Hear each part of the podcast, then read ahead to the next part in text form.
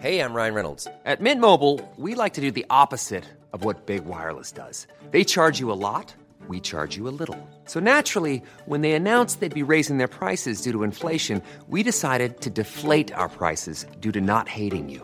That's right. We're cutting the price of Mint Unlimited from $30 a month to just $15 a month. Give it a try at mintmobile.com slash switch. $45 upfront for three months plus taxes and fees. Promo rate for new customers for limited time. Unlimited more than 40 gigabytes per month. Slows. Full terms at mintmobile.com.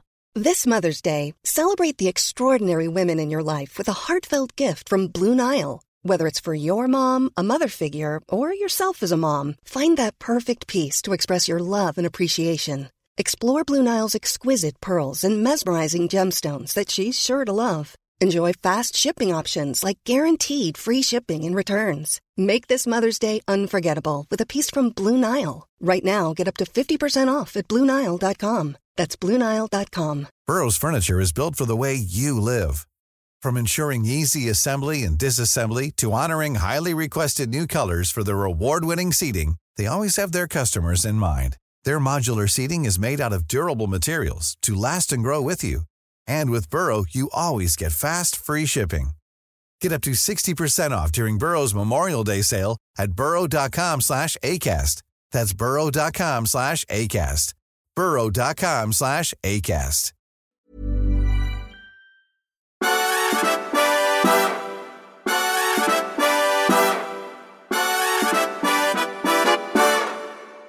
God morgon. God morgon på dig. Det ska prassla lite där förstår jag. Det är ju prasseltime. Okej. Mm. Ja, jag har ingenting att prassla med tyvärr. Nej, du dricker kaffe istället. Jag dricker kaffe och tittar på paddan. Igår var vi och lyssnade på Torssons. Torsson ja, just det. Eh, De har, jag insåg att, de, att Torsson nästan eh, har spelat i 50 år snart. Mm. Ja, inte riktigt. Jag tror att de hade sin första spelning 79 eller någonting sånt. Och jag har känt till min favorit i deras katalog ungefär lika länge. Klippan Centrum. Ja, de Klippan körde den Centrum. igår.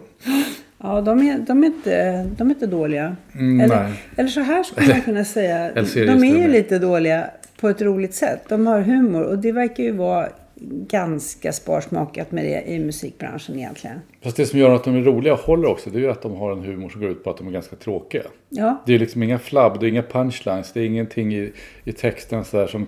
Det är, det är så mer att man, det är roligt att höra någon som lyckas rimma på bifurkation till exempel. Ja, de är platta. De, de kör liksom de enklaste rimmen. Och, eh, ja, och en Ja, del så, så, svårare. och ett lite formellt språk. Alltså det, det, är inte, det är inte korv och pannbiff och pommes frites, utan det är korv, pannbiff samt pommes frites, pommes frites kan man säga. På Fritz. Pommes frites, ja. Ja. Ja, jag, jag gillar dem. Ehm, de- gör någonting som jag tycker är kul och som är inspirerande. De avstår från att briljera. De, de vill verkligen inte höja sin stil. Nej, det, det är viktigt tror jag. Det är viktigt för dem.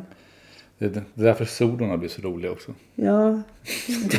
de tar, tar det på ett visst... Nej, nu jävlar! Dun, dun, dun. Mm, ja. Ja, men det där med att avstå från att briljera. Vi lyssnade på Jussi Björling ute på vår sommarterrass här häromkvällen. Ja, just det, Och då faktiskt. hade jag precis samma förnimmelse.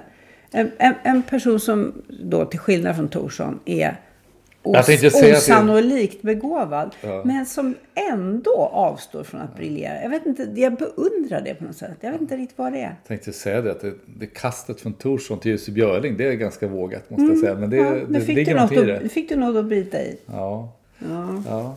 Nej, men jag blev lite förvånad också för att jag visste inte att du uh, gillade Jussi Björling så.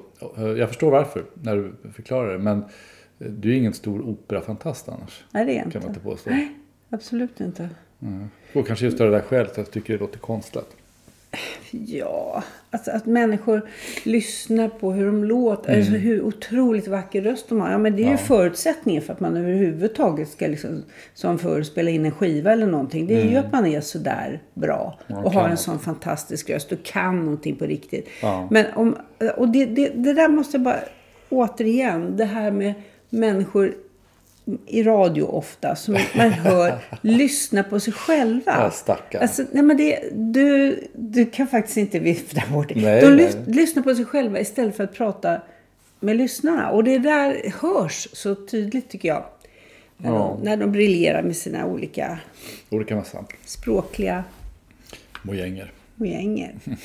Som heter kanske. Som inte heter sagt fackspråk. något. Så har jag inte sagt något. Ja. Ja, jag läste tidningen idag. Jag tyckte det var en intressant... Alltså, den här... eh, Har du sett här att Sverigedemokraterna vill, eh, vill döpa om eh, kriminalvården till straffverket? Jag Ja. tycker det faktiskt är lite roligt för att det låter, det låter ju som någonting ur en ganska så yxig komedi. Ja. Straffverket.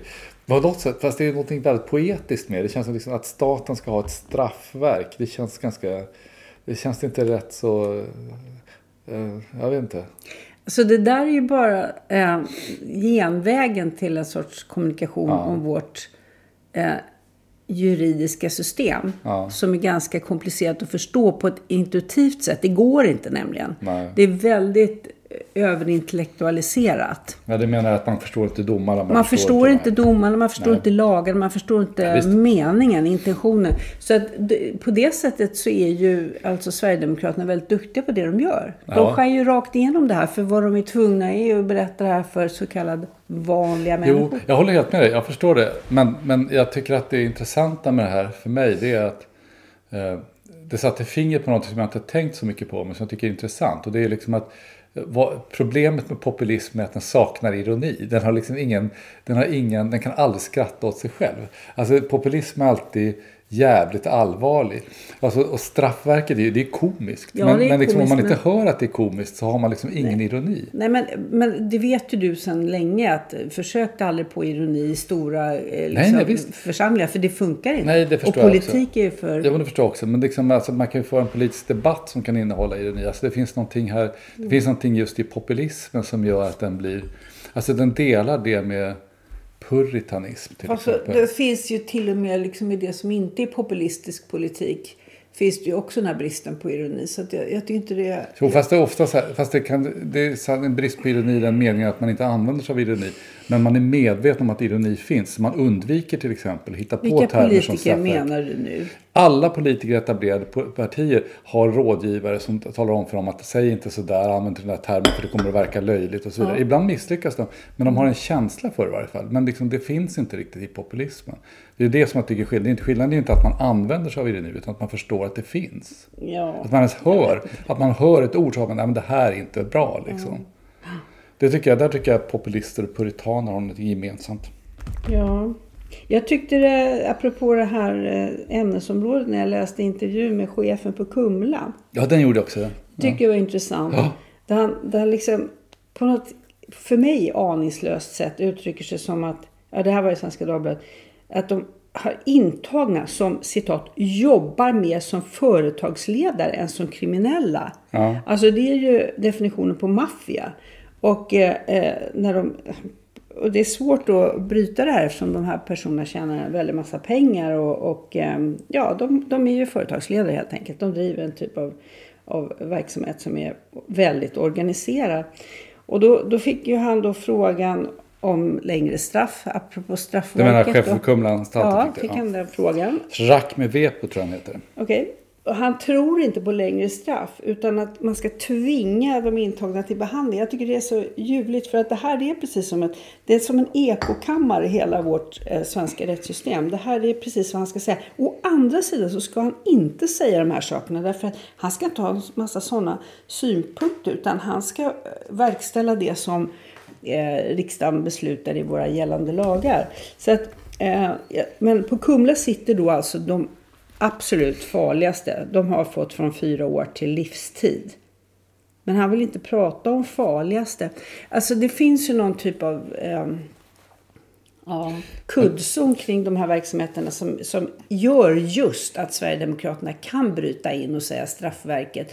Och eh, det är inte ens roligt eftersom Alltså, det, det är inte så roligt eftersom hela det här systemet med... Men vi har Jerzy Sarnecki som har varit Sveriges ledande kriminolog i årtionden. Jag vet inte riktigt hur länge han ska vara det. Men, men som, som inte heller tror på längre straff.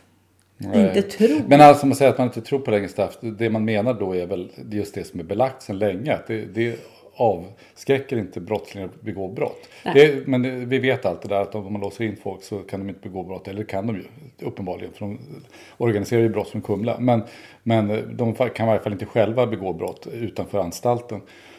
när de sitter inlåsta. Det, det, känner vi till och det är ju viktigt. Men alltså att, att det är så att längre straff i sig inte ger lägre brottslighet. Det är ju ganska väl belagt och det är väl det de menar.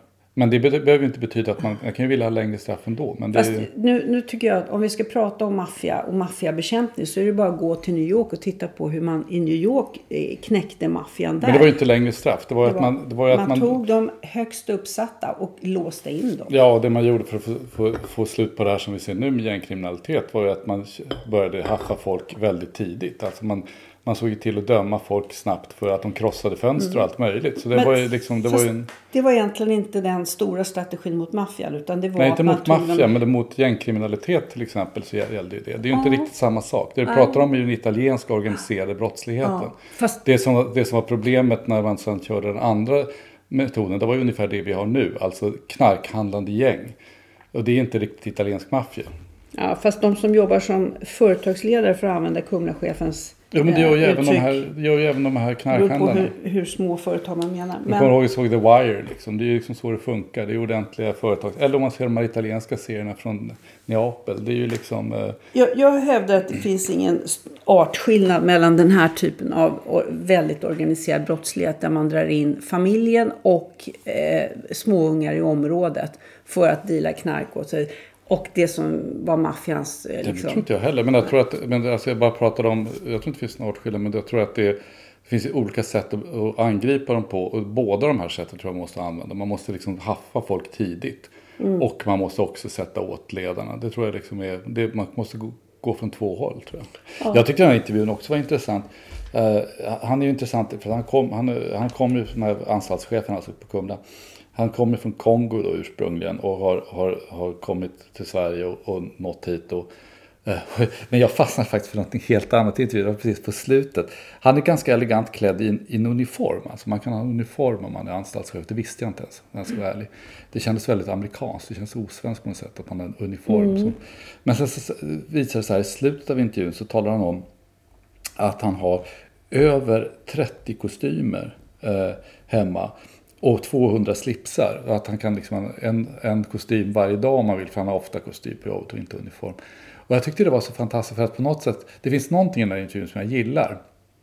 Och det är att det här är en person som tar sin offentliga roll på allvar. Vi kan liksom ha olika åsikter om vad han säger och tycker. Men han, han är medveten om att han är en myndighetsperson och måste uppträda som en sån. Och, och i det ligger liksom även att han ska vara snyggt klädd. Jag tyckte det var intressant.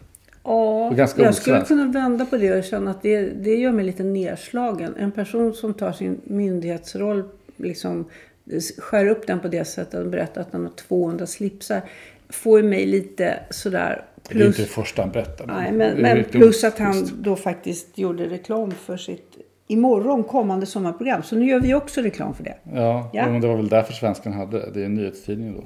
Det var en annan intressant artikel i Svenskan idag faktiskt alldeles före den som handlar om att, att vägverk, Trafikverket vill eh, frånsäga sig väg, länsväg 801 utanför Söderköping. Och det är faktiskt en otroligt intressant artikel skriven av, av Christian Down och eh, nu ska jag se, eh, fotografen heter Ari Lustrain. och det är, bra, det, det är bra bilder också. Alltså det här det handlar om någonting som Trafikverket tydligen gör mycket nu. Att de försöker liksom bli av med vägar så de slipper underhålla dem. Så de säger liksom att det här är inte en allmän väg längre och då behöver de inte underhålla dem. Och det, det, det här är en sån, alltså en ganska djuplodande reportage. Men det är en sån utmärkt bild av det här att samhället drar sig tillbaka som vi har sett liksom i årtionden i Sverige och som kanske ligger bakom mycket av det här med gängkriminaliteten eller maffiakriminaliteten också i Sverige. Plus mycket annat liksom. liksom Det här vi har pratat om hur länge som helst. Postkontor försvinner. Eh, det finns inga banker längre. Alltså både stat och kapital dras tillbaka från, från eh, har inte råd att finnas längre. Man har inte råd att ha kontor, man har inte råd att underhålla vägarna, man har inte råd att underhålla tåget. Man har inte råd att ha ett elsystem längre. Nej, och ändå drar man in liksom världens fjärde högsta skattetryck. Ja. Jag fann var... Vad fan Vad får man för pengarna? pengarna? Alltså. Ja, vad händer? Ja, vad jo, vad det- händer? jo. Ja, men det jag tycker är fascinerande. Det är också fascinerande att läsa det här liksom resonemangen då, både från Trafikverket och, och från de lokala, ganska desperata människor, eller förbannade människorna. Som liksom, vad fan, liksom, det är inte så att Söderköping direkt ligger i Norrlands inland om man säger så. Nej, men om vägföreningen måste hålla reda på den här vägen i fortsättningen, Mm. då kanske man inte vill betala samma höga skatt som man gör om det... Nej, och det, alltså det här är någonting, det, där, där, där, ja, där är du inne på någonting. För jag hörde en annan annan sak på nyheterna i radio idag. Att de har börjat få rätt mycket, eller i varje fall ett flertal fall, tidigare hade man nästan inga, av sådana här hem, ut, 3D-utskrivna vapen. Som ju då görs. Det var någon som de hade haffat nu som hade knark i lägenheten och en 3D-skrivare på sin glasade balkong där de skrev ut vapen. Eh, och det är ju, alltså det, lägger man ihop det här, vad får man för känsla om det är den här totala decentraliseringen av samhället. Liksom. Det, Hur ska man kunna, när 3D-skrivare finns på varenda inglasad balkong, hur ska man kunna stoppa vapen? Alltså jag bara undrar, vad kostar det att skriva ut ett vapen med 3D-skriv? Ja, det är en bra skulle fråga. jag Ingen vilja aning. veta. Ja, jag förstår inte ens hur det går till. Alltså det, är, det kan ju bara vara plast. Liksom. Det är inte sådär så att man får ju inte, man får inte i eh, eh, någon snygg metall. Vadå, Men- kan man skjuta ett skott? Nej, jag vet att jag har ingen aning. Jag, men jag tycker också det verkar konstigt. Alltså, plastvapen låter ju inte sådär. Fast å andra sidan, alltså många av de här, jag tänker på sådana här pansarskott och sånt där som man hade i lumpen redan då. Liksom, det här är ju 90, sent 80-tal, tidigt 90-tal. Det är ju liksom engångsvapen, det är ju mest plast. Med, som för att avfyra ett skott. Men jag menar ändå. Alltså fundera på den här, vad ska vi säga, fragmentiseringen. Ja, Om, om ja. det här är på något sätt en reaktion på att samhället har blivit för komplicerat och Mm. man har försökt överstyra saker och ting. Regelstyra Mm. och övervaka. Och, och liksom i Sverige har vi ju någon sorts Mm. fortfarande kanske vitt, söndervittrande men ändå tro på att det, det, det finns ett tillstånd där staten, kommunen och landstinget har tillsyn över oss och Mm. så blir allting bra. Men det, det kanske är så att man har börjat överge eh, den här modellen som medborgare. Och att det, det här är sättet det syns på. Ja, och sen så kanske man inte har något val. Därför att jag tror att det är lite grann som Stenbeck var inne på. Liksom en del handlar ju om teknisk utveckling. Det faktum att du kan skriva ut vapen. Att du kan, alltså, eller det faktum att vi kan sitta här och, och göra radio. liksom det, ingen har ju... Ja, eller podd. Ja, fast det är ju liksom samma sak. Det är, alltså, egentligen är det ju enklare. Det här är ju lättare att komma åt än ett normalt radioprogram var för 10-15 år sedan. För då måste du höra det när de sänder det. Om ingen har spelat in det på ett kassettband. Liksom. Eh, Det här kan du höra när som helst. Alltså allting, besluten, viktiga beslut för offentligheten. Och det kan ha att göra med att göra ett radioprogram eller att tillverka vapen. Fattas mycket längre ner i samhällsorganisationen. Och det, då blir det ju liksom eh, det blir ju med nödvändighet mer, mer anarkistiskt och kaotiskt. Liksom. Det Jag finns tycker- ju goda sidor av det. Men eh, Ja, det gör det ju. Det gör det. Jag, jag tycker att eh, Peter Esaiasson skrev en, en, en intressant kolumn i, i GP. Eh, där han i och för sig pratade om att årets val är krävande för väljarna. Så räknade han upp fyra frågor eller fyra eh, förutsättningar som gör det krävande. Men det som var kul var egentligen beskrivningen eh, eh, som statsvetare då, då, professor i Göteborgs universitet. Så på hans teorispråk, eller på statsvetarnas teorispråk, så säger man att eh, det, det, han säger, att tänka hårt och hantera motstridiga tankar låter kanske inte så farligt, men faktum är att det är något de flesta helst undviker. På teorispråk, sk- skriver han, säger man att människor är cognitive misers, alltså lathundar, respektive dissonance avoiders, alltså motsättningsundvikare. Därför att båda de här sak- eller, och båda de här sakerna är förknippade med obehag. Det här tycker jag är jätteintressant. Eh, om, om allt fler bara helt enkelt inte bryr sig. Då, då, då behöver de ju inte heller ta ställning och vill inte och kommer inte och, och har inte tränat upp sig på att ta ställning till sånt där. Måste jag välja mellan ett av de här partierna? Nej, det, det är för jobbigt. Det, är för komplicerat. Så jag menar, det politiska landskapet ser ut på ett helt annat sätt än för årtionden tillbaka där folk kunde säga saker som jag är socialdemokrat eller jag är moderat. Så funkar det inte längre. Utan man Nej, det- hoppar runt på ett annat sätt. ja, och det finns ju någonting där som är... Alltså man börjar prata om valdeltagande och sånt där. Så I Sverige pratar man ju alltid om det i, i positiva termer. Det är viktigt att ha ett högt valdeltagande och sådär. Och jag förstår precis argumentationen bakom det. Men, men i realiteten är det så att har man lågt valdeltagande så kan det ju ha väldigt många olika orsaker. Mm. En orsak kan ju vara att man känner sig maktlös och att man inte är engagerad i demokratin och i offentligheten och sådär. Det, det, kan ju vara ett skäl. Det ser man ju i många auktoritära stater och sånt där. Mm. Eh, där de får tvinga folk att rösta i stort sett. Mm. Men ett annat skäl, och det tror jag till exempel har varit det som har gällt i USA i första hand, är att man inte känner att eh, det är nödvändigt att engagera sig i den stora nationella politiken. Man litar på att det där funkar ändå. Mm. Och sen engagerar man sig lokalt i det civila samhället. Och det är ju, ganska, det är, det är ju det är någonting bra egentligen. Mm. Och det är ju därför man ser liksom i USA, det som vi kallar för polarisering nu, är ju i många stycken en mobilisering. Alltså människor som tidigare inte har brytt sig om politik har, känner att de måste göra det. Och då har man fått de här konsekvenserna som är rätt dramatiska i USA nu. Mm. Så det ju, finns ju någonting sunt också med det här som, som Esaiasson pratar om, att man inte vill ta ställning. Så länge man, så länge man känner att det är okej, okay, man klarar sig ändå, så är det, är det ju ett ganska bra sätt att leva. Jag tror att det finns ingen politiker som skriver under på. Nej, men det är ju liksom, egentligen är det ett kristecken om mm. folk är väldigt intresserade av politik. För det betyder ju att de är missnöjda med så, hur det är. Mm. Eh, och då, då, är de nöjda så är de ju inte intresserade av politik på det sättet. Mm. Eller hur? Nej. Ja. Det är sant. Hör du, det, ett valår. Det, det säger du. säger vi ett valår. I början. Ja. I början, eller är vi i början, mitten eller slut? Nej, vi, vi, vi pratar inte om valrörelsen mer. Vi måste ju vara i slutet, rent, fast, det, fast ja, knappt Fast det känns inte så. Nej, Du, vad heter det? Jag tänkte bara fråga ikväll om du har lust att se på andra säsongen av uh, Industry på HBO Max som Egentligen är inte. Jag vill fortsätta brittiska. titta på Better Call Saul. Du vill titta på Better ja, Call Saul? vi får göra upp det där. Vi får göra upp. Ja. Det gör vi. Vi får se. Kanske, dessutom är det så fint väder. Man kanske bara vill sitta här. Vi har ju en liten uh, lönnbar som vi själva öppnat på baksidan mm. av vårt hus. Man kanske mm. vill sitta där och titta på solnedgången. Ja, helt i lönndom. Ja, och, mm. och leva på att man har ett rikt inre liv istället för på amerikansk filmindustri. Ja, vi har gått i exil helt in, enkelt. Ja, för, ja, just det. Och det har vi gjort. Men det, det beror på att det är första gången vi är ensamma hemma på jag vet inte hur många veckor. Nej. Det känns lite föräldrafritt, fast tvärtom. Eller hur? Du har rätt i det. ja, okay. rätt i det. Ska vi säga så? Mm, ja, gör det. Hej. Hej.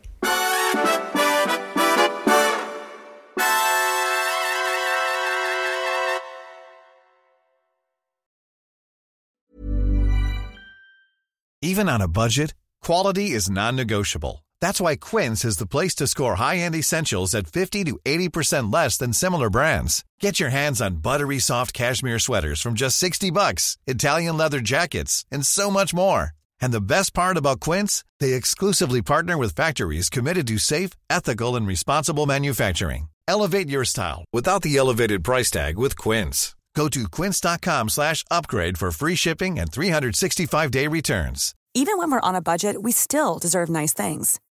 Quince is a place to scoop up stunning high-end goods for 50 to 80% less than similar brands. They have buttery soft cashmere sweaters starting at $50, luxurious Italian leather bags, and so much more. Plus, Quince only works with factories that use safe, ethical, and responsible manufacturing. Get the high-end goods you'll love without the high price tag with Quince. Go to quince.com slash style for free shipping and 365-day returns.